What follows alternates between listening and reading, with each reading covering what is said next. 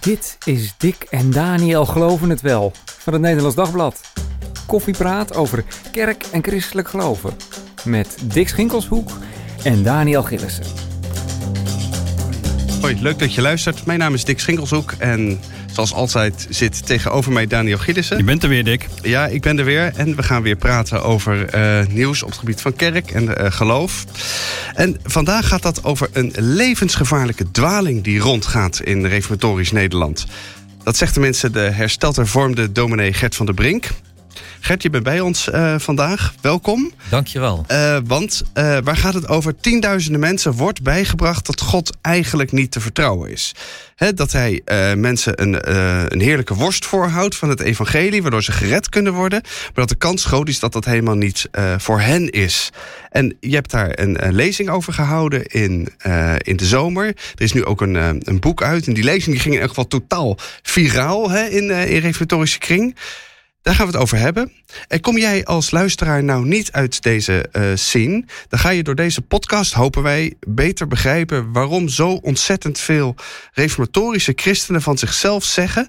dat ze het geloof niet hebben... terwijl ze, zouden wij zeggen van de buitenkant... toch een heel erg gelovig leven hebben. Uh, Gert, in de uh, reformatorische wereld wordt sterk benadrukt dat je een bijzondere ervaring gehad moet hebben.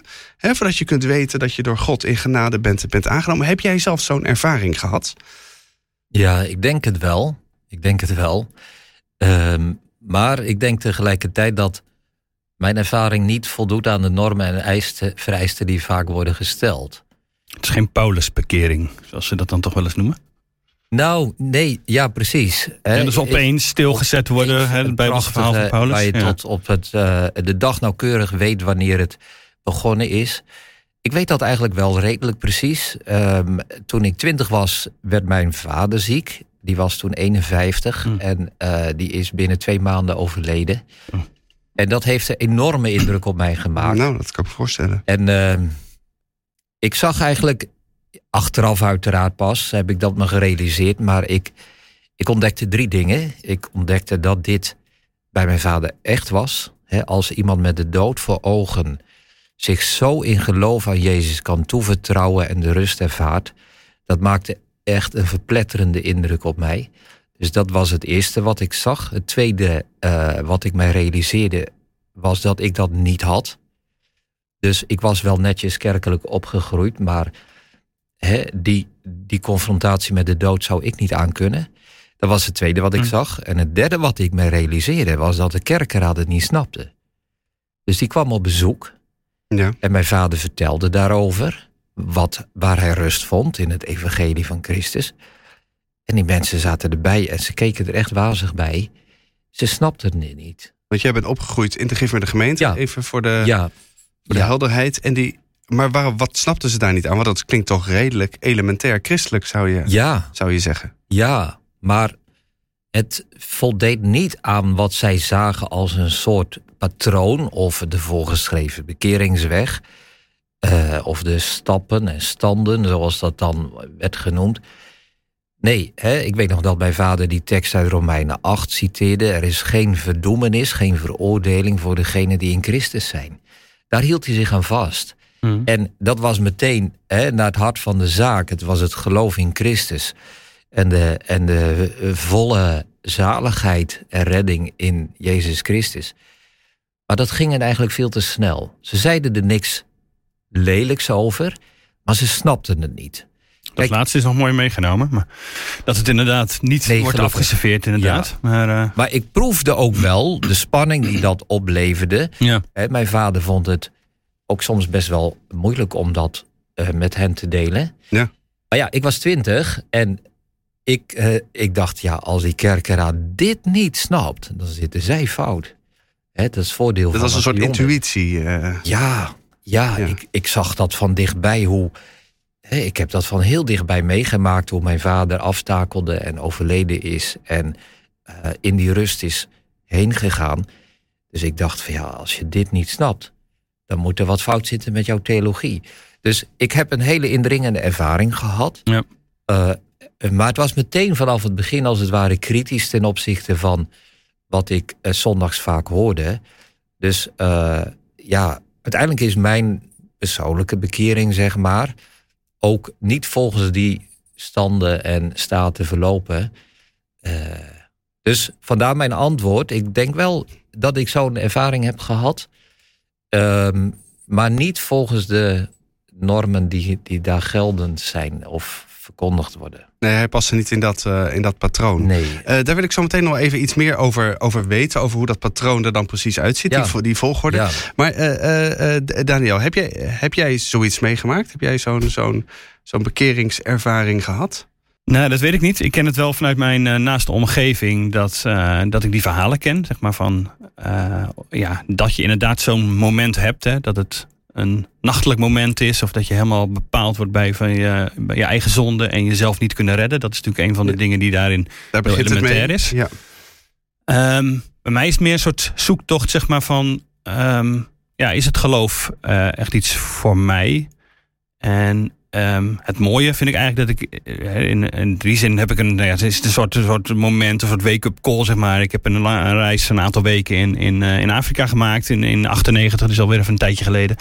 En dan, nou ja, heb ik echt dat, goed de Bijbel gelezen, soort even los van de situatie. Ik ben ook opgegroeid in de gemeente, gemeente los van nou ja, het idee van hoe het daar precies uh, moest. Uh, maar gewoon, voor mijn gevoel, gewoon Bijbel lezen. Uh, en dan hebben woorden als uh, dat Jezus zegt de discipelen volg mij en dat soort dingen gewoon heel, hebben mij heel erg geholpen om te denken, hé, hey, maar ja, voor mij word ik ook aangesproken. En uh, is dat wel iets waar, waar ik denk, hé, hey, daar is, heeft het iets losgemaakt. En hoe dat dan precies zit en of ik daar een heel, ik kan er niet een enorm prachtig verhaal per se bij vertellen, maar ik vind het wel bijzonder, voor mezelf is dat wel bijzonder, dat dat zo gebeurd is en dat ik ja, je weet gewoon niet hoe het, hoe het anders zou zijn gelopen. Maar dat er zo'n moment was waar de tijd voor was om even die Bijbel door te nemen. Gewoon een statenvertaling uh, aangestreefd, een pen zeg maar. Uh, ja, uh, twintig was ik ook in die tijd. Um, ja, dat vind ik mooi dat dat, dat, dat zo is. En ik denk ook wel, hey, daar, daar gebeurde dus wat. Ja, want zoals onder evangelische christenen zou je kunnen zeggen... het moment van het kiezen voor Jezus heel erg belangrijk is. En mensen zich ook vaak herinneren van ja. hey, dit was ook het moment waarop ik dat gedaan heb. Is voor reformatorische christenen vaak die, die bekeringservaring. Ja, dus geen keuze, want zo mag je het niet noemen. Daar gaan we het natuurlijk over hebben. Maar een bekeringservaring, heel erg belangrijk. En je zei net al, Gert, uh, daar zitten al, dat is, heeft een patroon. Er zitten volgorde ja. standen, standen en staten, zei je. Hoe, uh, hoe werkt dat precies? Wat, ja. is, wat is dan het model? Ja, dat, gekke is dat dat niet precies helder is. Dus er wordt wel gesproken over uh, standen in de genade, over kruispunten. Uh, maar niemand kan precies vertellen hoeveel standen er zijn. En uh, welke kruispunten je moet beleven. Hm. Dus dat maakt het natuurlijk ook heel lastig om te zeggen wat je precies moet beleven. Uiteindelijk denk ik in de praktijk gaat het over het begin. Hoe begint het? Ja. Kun je daar wat over vertellen? En, uh, wat het besef je... van, van zondig zijn, dat exact. is toch wel ergens het, het, belangrijkste. Als je dat ja. maar kan, als je daar maar die ervaring van kan vertellen. Ik heb het niet, ja. zeg maar. Precies. He, als God ons geloof geeft, dan geeft hij ons niet meteen geloof in Jezus. Nee. Maar hij ge geeft geloof in onze eigen onbekeerd, bekeerde toestand. Ja. In onze verlorenheid. Hè? Je, als God jou bekeert, ga je zien dat je onbekeerd bent. Hè? Dat is zo'n gevleugelde ja. uitspraak. En ja, daar heb ik moeite mee. Ik vind dat niet uh, verkeerd. Hè? Ik denk dat de Bijbel daar duidelijk over is. Dat we buiten Jezus inderdaad in een verschrikkelijke toestand zijn. Maar dan moet je geen geloof noemen. Nee. Alsof dat, als je dat maar hebt, dan is de rest mooi meegenomen. Dat is mooi. Denk ik nee. Hè, het gaat uiteindelijk om het geloof en het vertrouwen in Jezus Christus. En uh, neem dat op in je definitie van geloof. Nou, dat is wat er vaak niet gebeurt. En ik vind het wel fascinerend inderdaad, want dan uh, vaak word je, ben je eigenlijk juist in jezelf aan het roeren. Voel ja. ik wel dat ik zondig genoeg ben? In plaats van dat je gelooft dat Jezus voor jouw zonde, ook voor jouw zonde gestorven is. Ja. Hè? Het gaat niet om hem, zeg maar, maar meer om wat, heb, wat ja, ervaar ik. Precies. Hè? Het, is een, uh, uh, uh, het is een proces waar eigenlijk het zwaartepunt verlegd wordt naar jezelf. Ja. En dus dat, dat extra noos van de reformatie, het buiten ons, dat staat hier erg onder druk. Ja.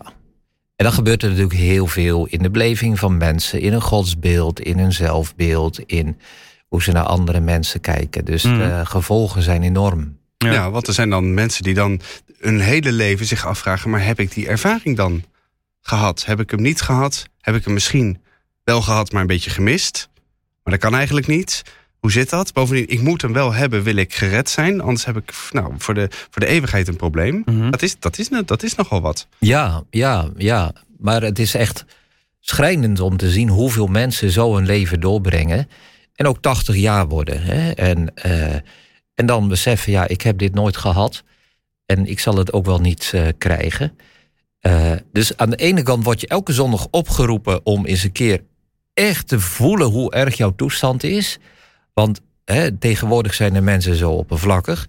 Maar omgekeerd moeten de mensen zich wel emotioneel en psychisch afschermen tegen die geweldige boodschap van ik heb een eeuwigheid van verlorenheid voor me. Als je dat tot je door laat dringen, dan, dan heb je geen leven meer. Dus die Nee. mensen worden verscheurd door hè, dat spanningsveld.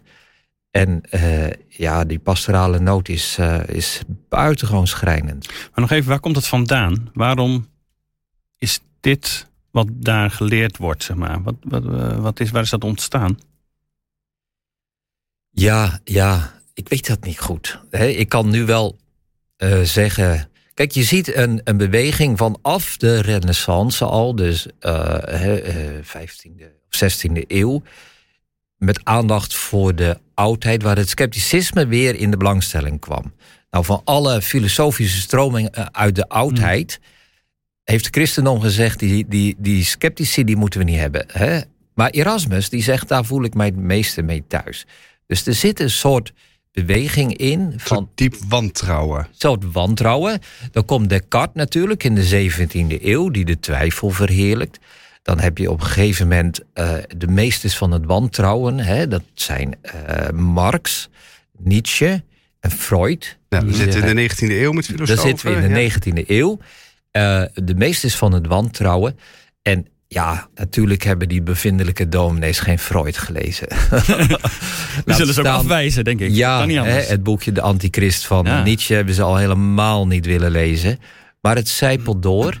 Dus het is ook veel meer een, een 19e eeuws eh, eh, fenomeen dan iets van de 17e of de 16e eeuw. Daar ben ik wel van overtuigd. Ja, terwijl ze zelf zullen zeggen, maar dit gaat rechtstreeks terug op de reformatie en natuurlijk uiteindelijk op de Bijbel zelf. Ja, ja dat zullen ze zeggen. Maar hè, dat, eh, ja, eh, dat noemen ze de, de Wick History of Interpretation. Hè, je kijkt terug naar het verleden en je ziet alle wegen precies bij jouzelf uitkomen. Mm. Dus dat is altijd een eh, gevaar dat, Dat, je- hebben christenen vaker gedaan Ja, in de geschiedenis. Ja, ja, ja. Zo is het natuurlijk niet. Het is, Maar je hebt op een gegeven moment ontdekt dat, daar heel wat, nou ja, dat er heel wat meer over te zeggen is, of heel veel andere dingen misschien wel, dan in, eh, dan in die reformatorische theologie gebeurt. Met zijn nadruk op die ervaring en met zijn nadruk op de, de volgorde eh, daarin. Eh, hoe, hoe, is- hoe is dat proces verder bij jou verlopen? Je vertelde net, nou, dat begon bij mijn vader. ja. en die kerkenraad die hem niet begreep. Hoe, Ja. en, en toen? Ja, nou, mijn vader was iemand die graag de zogeheten oude schrijvers las. Dus dat is een, een bonte verzameling van eh perkamentenboeken in gotische letter.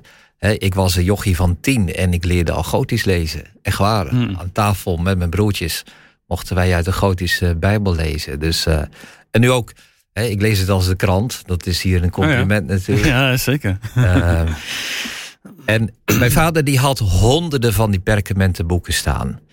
En eh, toen ik dus dat zag bij mijn vader, toen dacht ik, ik moet die boeken gaan lezen.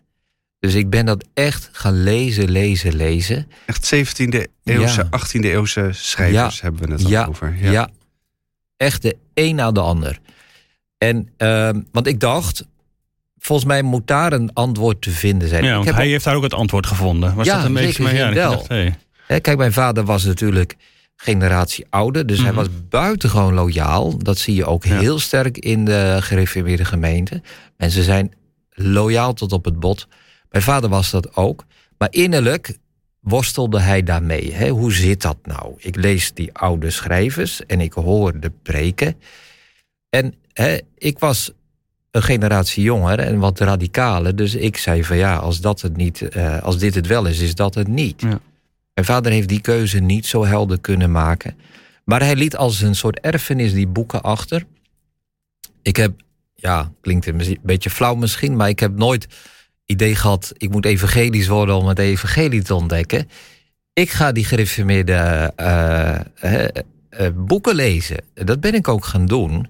En ik ontdekte daar dus dingen ja, waar ik dacht van ja, maar dit is, dit is zo anders dan wat ik zondags hoor.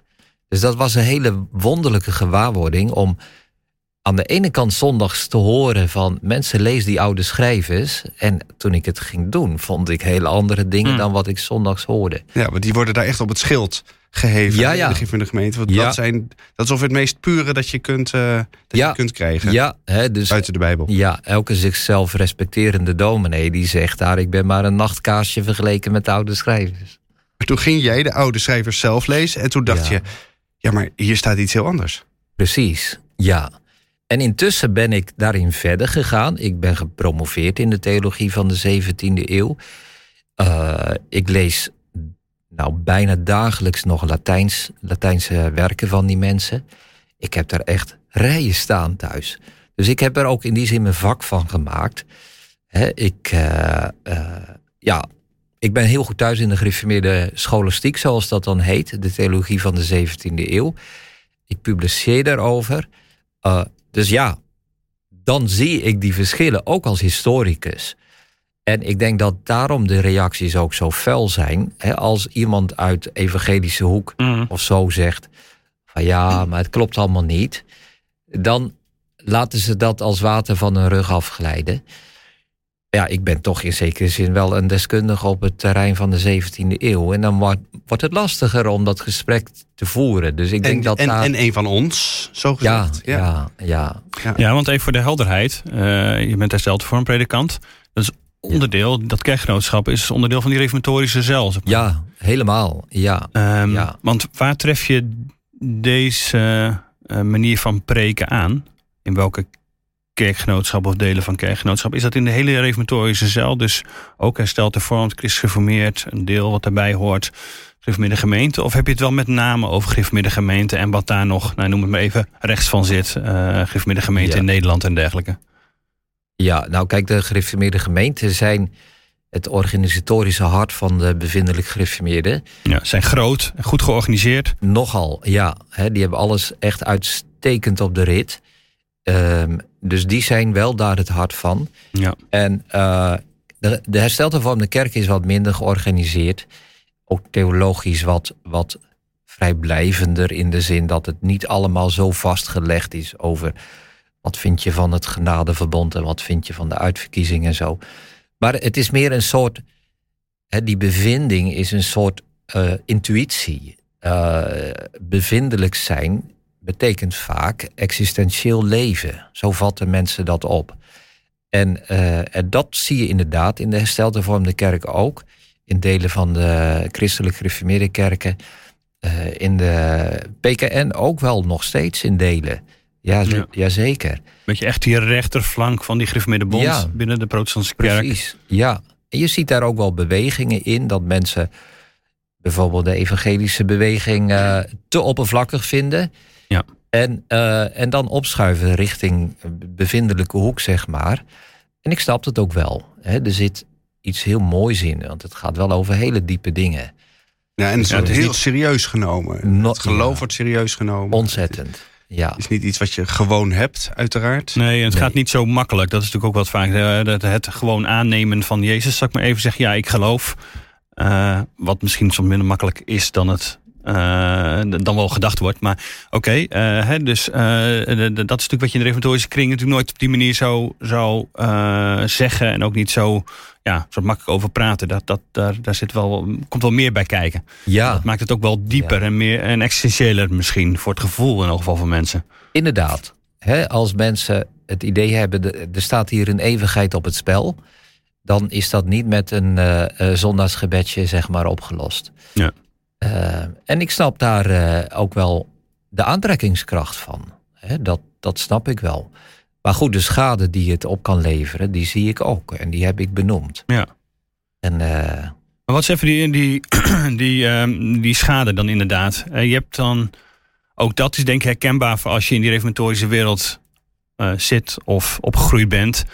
Dat er hele, nou ja, Dick zei het al, eh, mensen heel gelovig leven rijden. Altijd naar de kerk gaan, ook trouw uit de Bijbel lezen, bidden. Hun leven zo inrichten dat je denkt, ja, dit is eh, een zeer godzalig leven. Maar inderdaad zullen zeggen, ja, maar het is nog niet voor mij. Niet aan het avondmaal gaan. nee, Ehm, en wa- wa- waar, waar, waar komt dat dan door? Dat komt dan dus toch doordat ze dat begin ergens die beleving of die ervaring hebben gemist. Ja, eh, als je ze ernaar vraagt, zullen ze dat zeggen. Ik ben niet bekeerd. Ik ben niet wedergeboren of ik, ik, ik durf dat niet te zeggen. Nee. Eh, dus dat klinkt voor hen als een soort eh, zelfverzekerdheid. Hè? Wat denk jij wel dat je wedergeboren Ja. bent?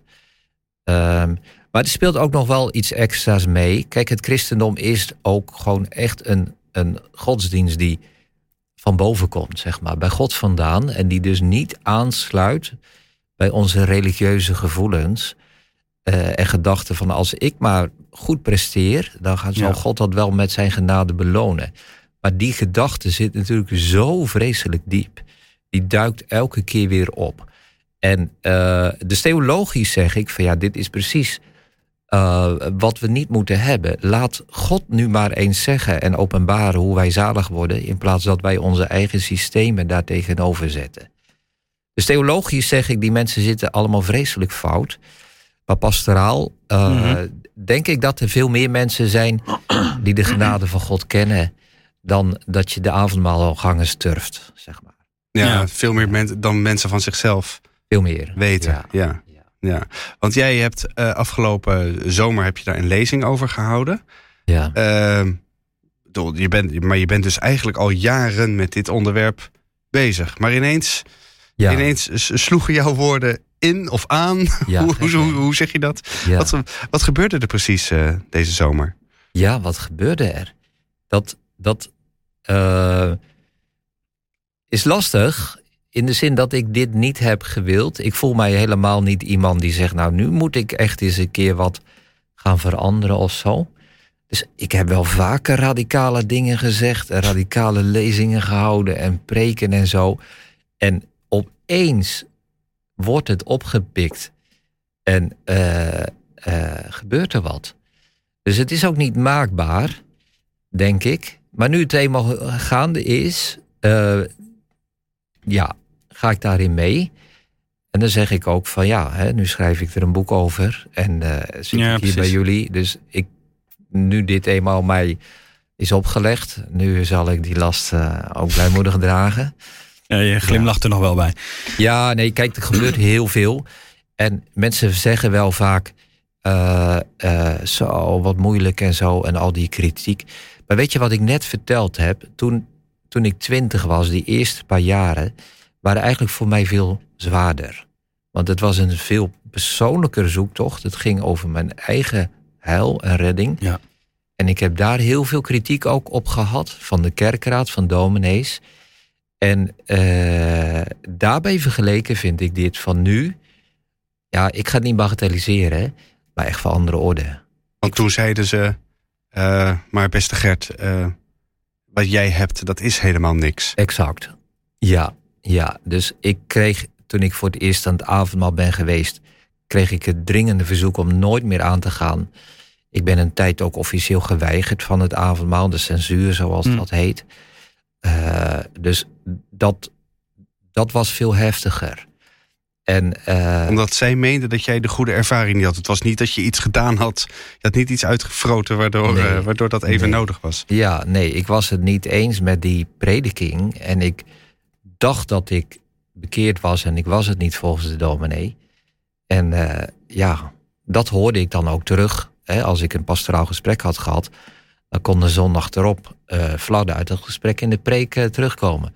Hè, de preekstoel wordt een steekstoel, zeggen ze dan. Ja. Nou, dat heb jij meegemaakt. Ja, Ja. ja. En dat is wel heel. dat, dat raakte me heel diep. En daarbij vergeleken vind ik dit goed te dragen en ben ik dankbaar dat ik hopelijk voor mensen, nou, iemand mag zijn die zijn rug recht houdt. Want er zitten natuurlijk nog steeds heel, heel veel mensen in dezelfde situatie waar ik als twintiger in zat. En, wat zou je tegen die mensen nu zeggen?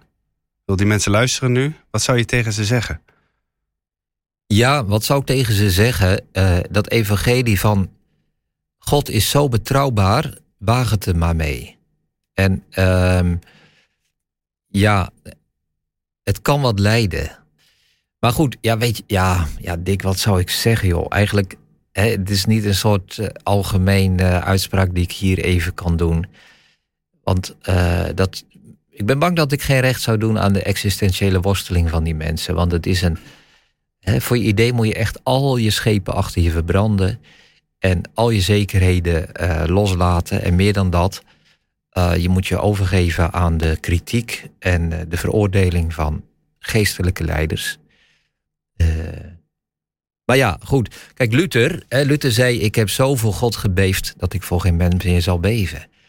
Dus daar zit wel iets heel moois in. Hè? Als je echt God op nummer één zet en denkt: ik doe het met het woord van God, dan kom je erdoor. En dan... Ja, maar die mensen zullen zeggen: ik, ik heb nooit voor God gebeefd. Dat is het hele probleem. En daarom ik ben nog niet aan mijn zonde ontdekt. Jawel. Ja, ja uh, ze, klaar. Ja, maar ze beven voor God. Ja, ja natuurlijk. In de zin van uh, uh, dat hun hele leven wordt beheerst ook in de goede zin van het woord. Ja, ja. Door wat God in zijn woord zegt.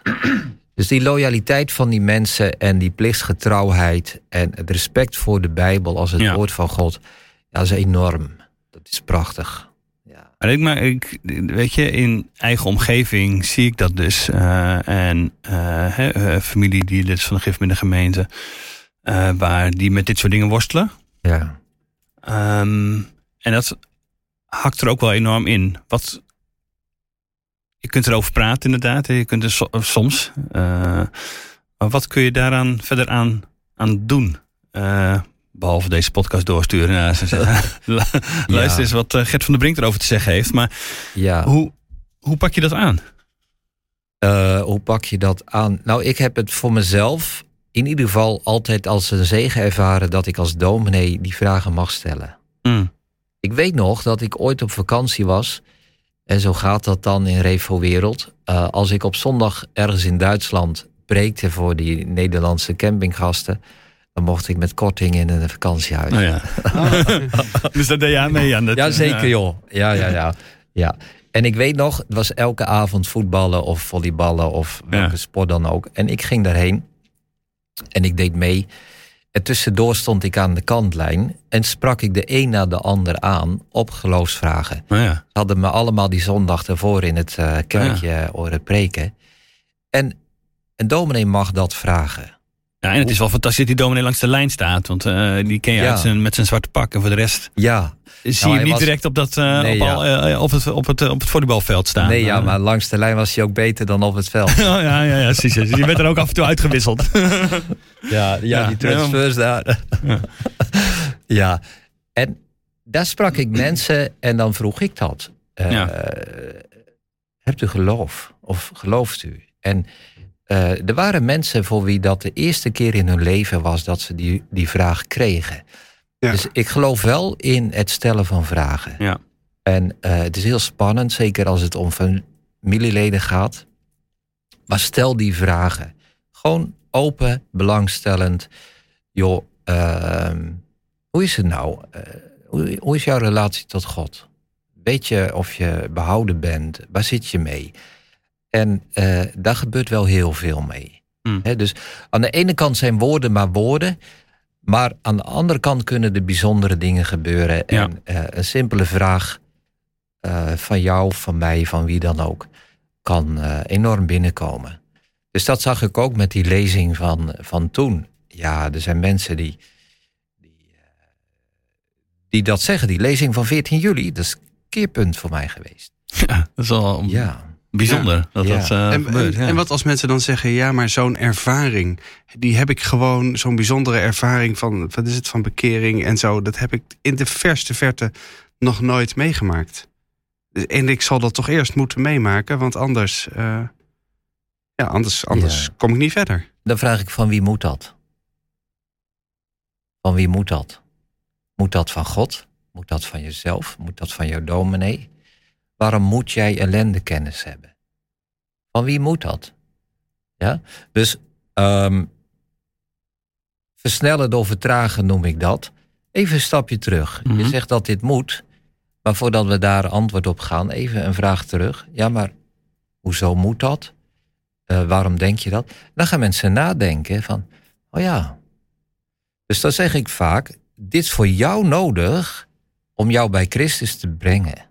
Als jij niks van je zonde weet, als jij niet wil toegeven dat jij zondaar bent, kom je daar niet. Dus het is meer een psychologische dan een theologische categorie. God vraagt dat niet van jou. God weet al lang dat jij zondaar bent. God nodigt jou. Dus het is voor jou nodig. Als jij verlangt om naar Christus te gaan, ga maar. Je mag bij hem zijn. En hij zal je niet uitwerpen. Johannes 6, vers 37. Hè, eh, dus zulke gesprekken kunnen mensen wel, eh, wel enorm helpen. Maar het zit er natuurlijk zo ontzettend in. Je moet er inderdaad een beetje eh, echt mee breken bijna. Je, je hebt zelf ervaren hoe dat dan uiteindelijk was. En Ja, zeker als je wat radicaler bent en er wat dingen over zegt, dan krijg je helemaal eh, eh, gedoe met je kerkraad. Ehm, maar je moet er haast mee breken, omdat het natuurlijk, het zit zo in je. Als je 50, 60, 70, 80 jaar ja, Ja. denkt, van, ik moet eerst iets ervaren. jawel. Ja, maar goed, Dan- eh, Daniel, wij moeten niet ook weer nieuwe meesters van het wantrouwen worden. Oké. Ik kan alle bezwaren ook wel opnoemen. Ja. Maar ik heb ook wel gezien, eh, tot mijn eigen verrassing en verbazing telkens weer. De Bijbel zegt het evangelie is een kracht van Ja. God tot zaligheid. Dat gebeurt ook. Dat, dat mensen eh, een preek horen of een ontmoeting hebben, een gesprek hebben, een lezing horen. En bam, daar is het. Ja. En, en het komt binnen en ze zien opeens wat het evangelie, de boodschap van Gods genade is. Dan wordt het alsnog een Paulusbekering. Maar goed. Ja, zeker zin wel. Ja. Misschien is die Ja. dan wel nodig. Ja, ja. Ja, dus hè, er gebeurt heel veel. En dat is prachtig om te zien. Mm. Ehm, en ik ken alle bezwaren ook. Dus hè, als ik op zondag preek, zeg maar, soms heb ik de ervaring van. Jongen, jongen, ik sta hier maar wat te kletsen. In de zin van, hè, daar draait er een en daar slaapt er een. En die hangt achterover. En, en toch gebeurt het. Hè. Mm. De- Het hart van de mens is zo'n mysterie. Er gebeurt van alles. En dat zie je niet op die blank faces van de mensen eh, terug. Mm. Nee, wat God met mensen doet, dat, daar heb je niet altijd zicht op. Helemaal niet. Nee, Nee. nee. En nee. eh, ja, dat is ook het, het boeiende van, van het eh, vak, zeg maar. Om dienaar van de evangelie te zijn. Ja, dus daar geloof ik wel in. Dat, Ja. eh, en dat zie ik nu ook gebeuren. Kijk, ik was opgegroeid in de gereformeerde gemeente met de gedachte... als ik dominee eh, ben, hè, je werkt je te pletter. Ja, zo zeggen ze het daar dan niet. Maar, je Het werkt is wel zo. Ja. je werkt kei en keihard. En af en toe zie je iets van Ja. geestelijke vrucht. Hè, ritselingen worden dat dan genoemd. Toen werd ik zelf dominee. Ik heb zoveel mensen tot geloof zien komen. Ik zei wel eens, ze vielen als rijpe appels van de boom. Dus mensen, er zit zoveel verlangen naar genade en naar God en naar rust in hun ziel, in de gereformeerde gezinten, dat je ze maar een paar woorden uit evangelie hoeft mee te geven en het gebeurt. Ik Maar kreeg, eh, ja. Maar zeg je daarmee dat, dat, dat dus ook heel veel predikanten en geestelijke leiders eh, in die reformatorische wereld dus ook mensen verhinderen om die stap te, te maken? Eh, eh, nee en ja. Nee in de zin dat eh, niemand zal zeggen... nou, ik ben geroepen om mensen tegen te houden. Ik ben een van die discipelen van Marcus 10... die daar al die ouders en die kinderen tegenhouden. Dat willen ze niet. Maar wat er gebeurt is, dit is wel degelijk waar. Jazeker. En mensen zijn ja, soms banger voor een dominee dan voor God. In het gebed voelen ze vrijmoedigheid... Maar ze durven echt niks te vertellen aan een dominee over wat er geestelijk leeft. Nee, precies. Want het is ook wel een wonder wat jij eigenlijk van jezelf vertelde. Van dat je hebt doorgezet, zeg maar. Eh, je kunt ook Ja. op dat moment denken... oké, dan heeft die kerkraad gelijk. Of ik leg me daarbij neer. Dan loopt je leven totaal anders. Ja, nou, er was een oude man bij ons in de gemeente. En die was. eh, eh, die kwam bij ons op bezoek. En wij vertelden als gezin. Hè, mijn moeder als weduwe natuurlijk. En Mhm. als kinderen. Wij vertelden over hoe dat bezoek was gegaan. En die man die zei, jongen, zegt hij. Dat is erger voor de dominee dan voor jullie. Wat er allemaal is gezegd. Hm. Ja, zo nuchter, maar dat heeft mij enorm geholpen. Ja, van die kleine is- dingen die kunnen dan... Ja, Juist wel weer helpen. Wel Ja. geestelijke manipulatie tot en met. Ja, Ja. dat eh, helaas.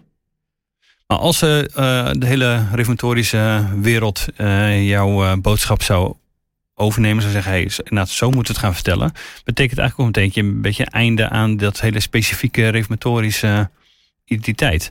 Waar dit volgens mij een belangrijk onderdeel van is. Dick heeft er ook in Nederlands Dagblad wel over een keer geanalyseerd. Van hoe, ja, wat, Ja. wat, wat betekent dat? Ja, het Dit is is- bijna niet voorstelbaar dat ze, ja, dat ze jouw boodschap zouden omarmen. Maar misschien vind je het ook te veel wantrouwen hoor. Van twee journalisten die dan meteen roepen van... ah, dat gaat toch niet veranderen. Nee.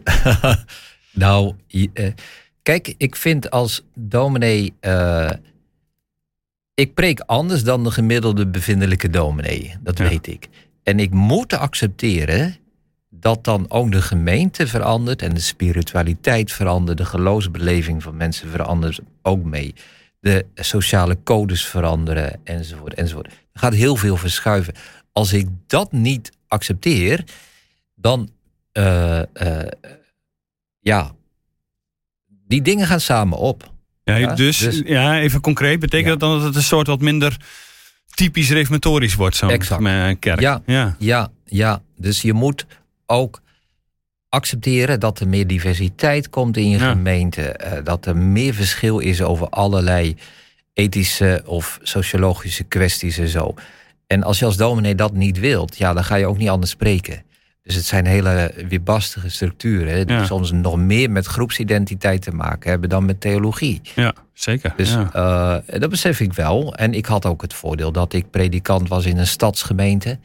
Daar is dat ook wat makkelijker dan in een eh, iets wat traditionele dorpsgemeente. Ja, in Zeeland of op de Veluwe, ja. ja, ja. ja. Dus hè, als mensen theologie en, en sociale, sociologische identiteit vereenzelvigen, gaan ze nooit anders spreken. ja. Nee, Dus we zien ergens twee dingen gebeuren. Aan de ene kant, wat is het volgens mij inmiddels meer dan 50.000 keer bekeken of beluisterd via YouTube. Jouw, Over de eh, 60 jouw zag ik volgens mij gisteren. Ja, ik heb precies. Ja, ja. Ik wou zeggen, als je het wilt terugvinden als luisteraar, wat is het? Eh, als je evangelie van de kleine lettertjes eh, googelt, dan kom Ja. je volgens mij een heel eind. Jazeker. Eh, dat, dat aan de ene kant. Je hebt heel, heel veel reacties gekregen. Er is nu een boek, dus mensen gaan het misschien lezen.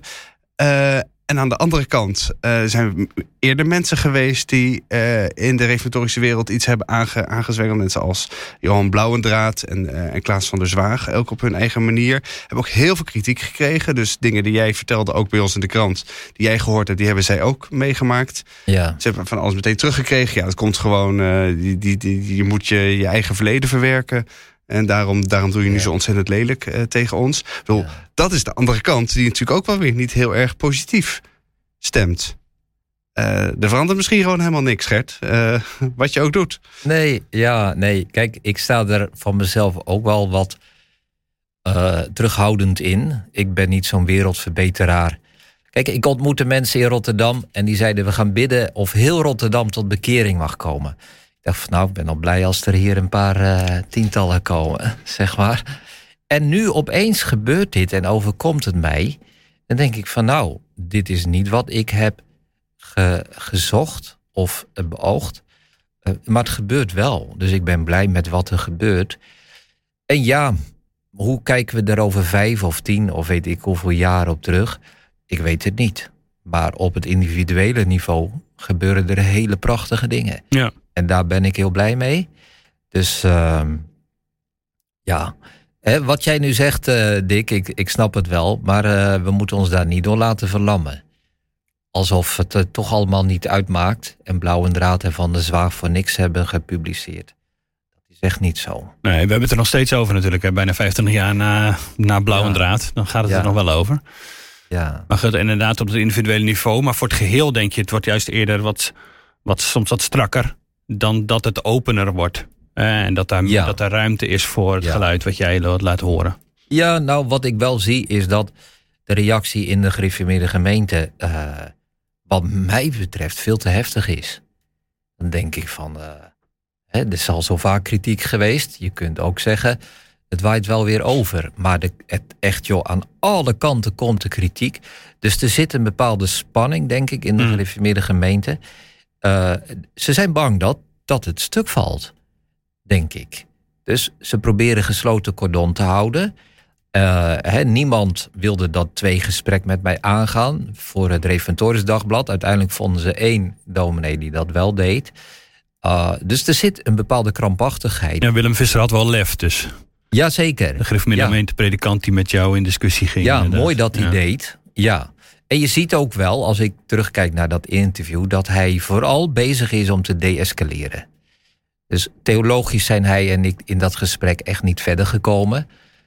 Maar ehm, wat deescaleren, in ieder geval met elkaar praten. Het Reformatorisch Dagblad stuurt daar ook op. En dat vind ik prima. Mm. Dat vind ik prima. Maar je ziet wel dat daar hun eerste eh, doelstelling ligt. Hè? De Een beetje glad strijken. ja, de Revo-wereld bij elkaar houden. Ja. Ik krijg ook mails van mensen van... we hebben elkaar zo hard nodig. Ja, begin hier nou niet over. We gaan nu niet in onze eigen, eh, in onze eigen achterban zitten roeren. Nee, Ja. nee. Maar goed, daar ben ik gewoon veel te apolitiek voor. Ja, ja. Ik vind dat ik dit moet zeggen en dan kijken we wel wat er gebeurt. Ja. En roept het in het herstelde vorm de kerk eh, nog wat op? Krijg je daar eh, dezelfde soort, eh, kom je dezelfde soort weerstand tegen? Of is dat daar inderdaad wat je net al beschreef? Daar is gewoon ruimte voor eh, dit soort verschillen. En eh, goed, dan, eh, dan is het prima. Ja, eh, er, zijn, er zijn wel wat eh, eh, collega's ook die reageren. Maar lang niet iedereen. Mm. Dus dat is denk ik ook wel kenmerkend voor de herstelde vorm de kerk. Leven en laten leven, zeg maar. Ja. We zullen wel zien. het is net als met Gamaliel, hè? Die, die zei in het Sanhedrin. We kijken wel, als van God is, houden we toch niet tegen. Als het niet van God is, gaat het vanzelf wel weer over. Dat is al vreselijk pragmatisch uh, Ja, maar het is heel bijbels. Hè? Ja, de- en, dus, en misschien wel en dus bijbels. Wat ga je nu verder doen? Nu is je, eh, je boek uit. Dat is ook een boek waarin onder meer verschillende lezingen jou over de Dordtse leerregels staan. Daar hebben we het nu in deze podcast niet eens over gehad. Nee. misschien maar, eh, nou, wellicht de podcast over de. Dordtse leerregels. Ja. Precies. Ja, Eh, maar wat, ehm, wat nu? Wat is, eh, wat is je idee nu verder? ja nou, ik ben, eh, ik ben echt heel druk met het beantwoorden van e-mails. Ik houd het niet bij. Ik krijg Hmm. zoveel reacties van mensen. Eh, en dat is mooi om te doen. Maar eh, ja, dat kost mij gewoon de nodige tijd. Maar goed, wat ik net zei, ik geloof dat het gebeurt op individueel niveau. Dus er zijn mensen, ik kan me een mail herinneren van een man die zei: Dit is de eerste keer in mijn leven dat ik een mail aan een dominee stuur. Ja. En dan met geestelijke vragen, hè, waar die zelf mee zit. Dus dat vind ik heel mooi om daarop in te gaan. En eh, ja, ik houd met enige regelmaat nog eh, lezingen voor geloofstoerusting. En eh, dat blijft wonderbaarlijk. Je staat voor een zaaltje van 100 mensen, of 40 soms, of 200. En vervolgens wordt die 10.000 keer bekeken. Ja, dat. er zijn mensen die, mij, die al mijn lezingen bekeken hebben. En soms eh, vaker dan één keer. Die weten beter wat erin staat dan ik zelf. ja, maar Ja. dat, dat stemt mij zo dankbaar dat ik dan denk aan die gelijkenis in Marcus 4. Die man die zaait het zaad. En die gaat naar huis en die gaat slapen. En dan staat er in de Bijbel en het groeit op en hij wist zelf niet hoe.